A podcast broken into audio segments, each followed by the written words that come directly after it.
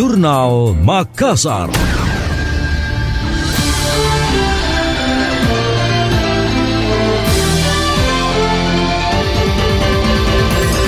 Teknologi modifikasi cuaca atau TMC dinilai cukup efektif menghalau hujan ekstrim di Sulawesi Selatan.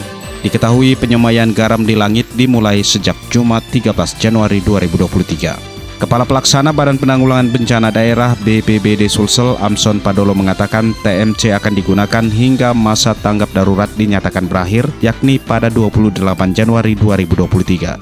Amson mengakui awal tahun merupakan puncak musim hujan dan rawan cuaca ekstrim. Namun pemerintah berupaya mengantisipasi dampaknya dengan menggunakan teknologi tersebut. Menurutnya hasil dari penggunaan metode TMC mulai terlihat saat ini. Pasalnya meskipun diprediksi hujan namun nyatanya cuaca terlihat cerah. Adapun metode TMC mulai dilaksanakan di perairan Selat Makassar Jumat lalu sekitar pukul 15.30 WITA sampai 17.30 WITA. Dalam pelaksanaannya, TMC melibatkan pesawat TNI Angkatan Udara tipe Cessna Grand Caravan 208 dengan registrasi PKSNM. Pesawat itu ditugaskan untuk menyemai garam di langit-langit Sulawesi Selatan, khususnya di wilayah barat daya sampai barat laut. Dalam satu sorti penerbangan, pesawat tersebut mampu membawa bahan semai atau garam sebanyak 800 hingga 1000 kg. Di Sulawesi Selatan sebanyak 13.000 kg bahan semai telah disiapkan untuk operasi TMC ini dan masih akan ditambah jika dibutuhkan.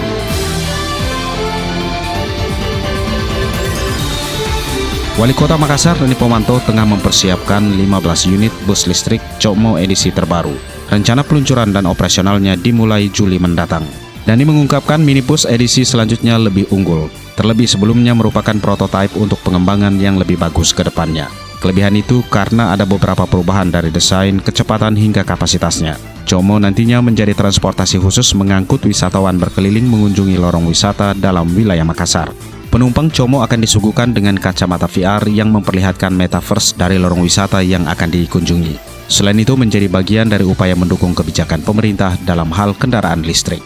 Sementara pengusaha IT dan mobil listrik Ervan Komunarpabo mengatakan dalam prototipe Como sebelumnya kapasitas powernya masih rendah sehingga perlu ditingkatkan. Dia memaparkan keunggulan Como dibandingkan dengan kendaraan konvensional yakni ramah lingkungan atau green energy sehingga tanpa polusi.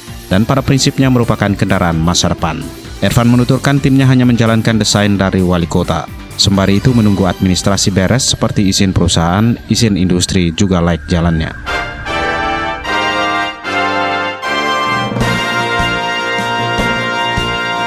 Demikian tadi, Jurnal Makassar.